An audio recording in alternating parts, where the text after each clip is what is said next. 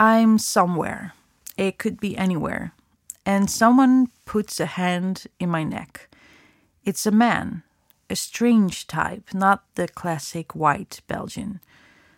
That hand on my neck makes me incredibly horny because it holds so much promise. We end up at my house. It's a safe environment, and then the man dominates me very much. He shows me a whole new world, and there is a extensive wordplay. He caresses my spine with his thumb, kneads my breasts quite hard, caresses me extensively, and kisses my neck. I rarely see a face, but I do feel a big body. He's big, muscular, hairy.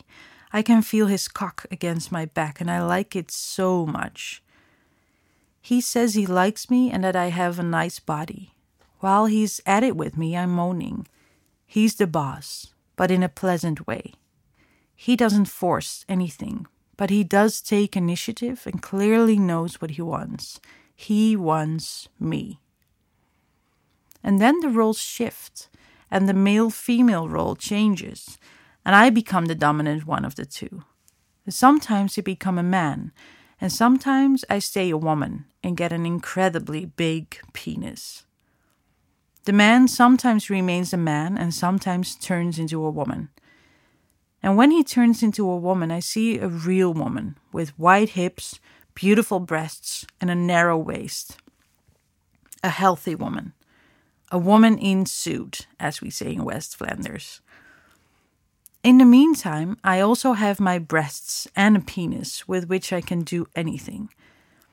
That woman is enjoying that a lot. I tease her by suggesting that I'm going to penetrate her, and then I do a little waiting and a little caressing. There's something cheerful here, something playful, there's some humor in it too. And the feeling of melting together, being wanted, and wanting to see each other's body, and wanting to caress, lick, and kiss each other in every possible way.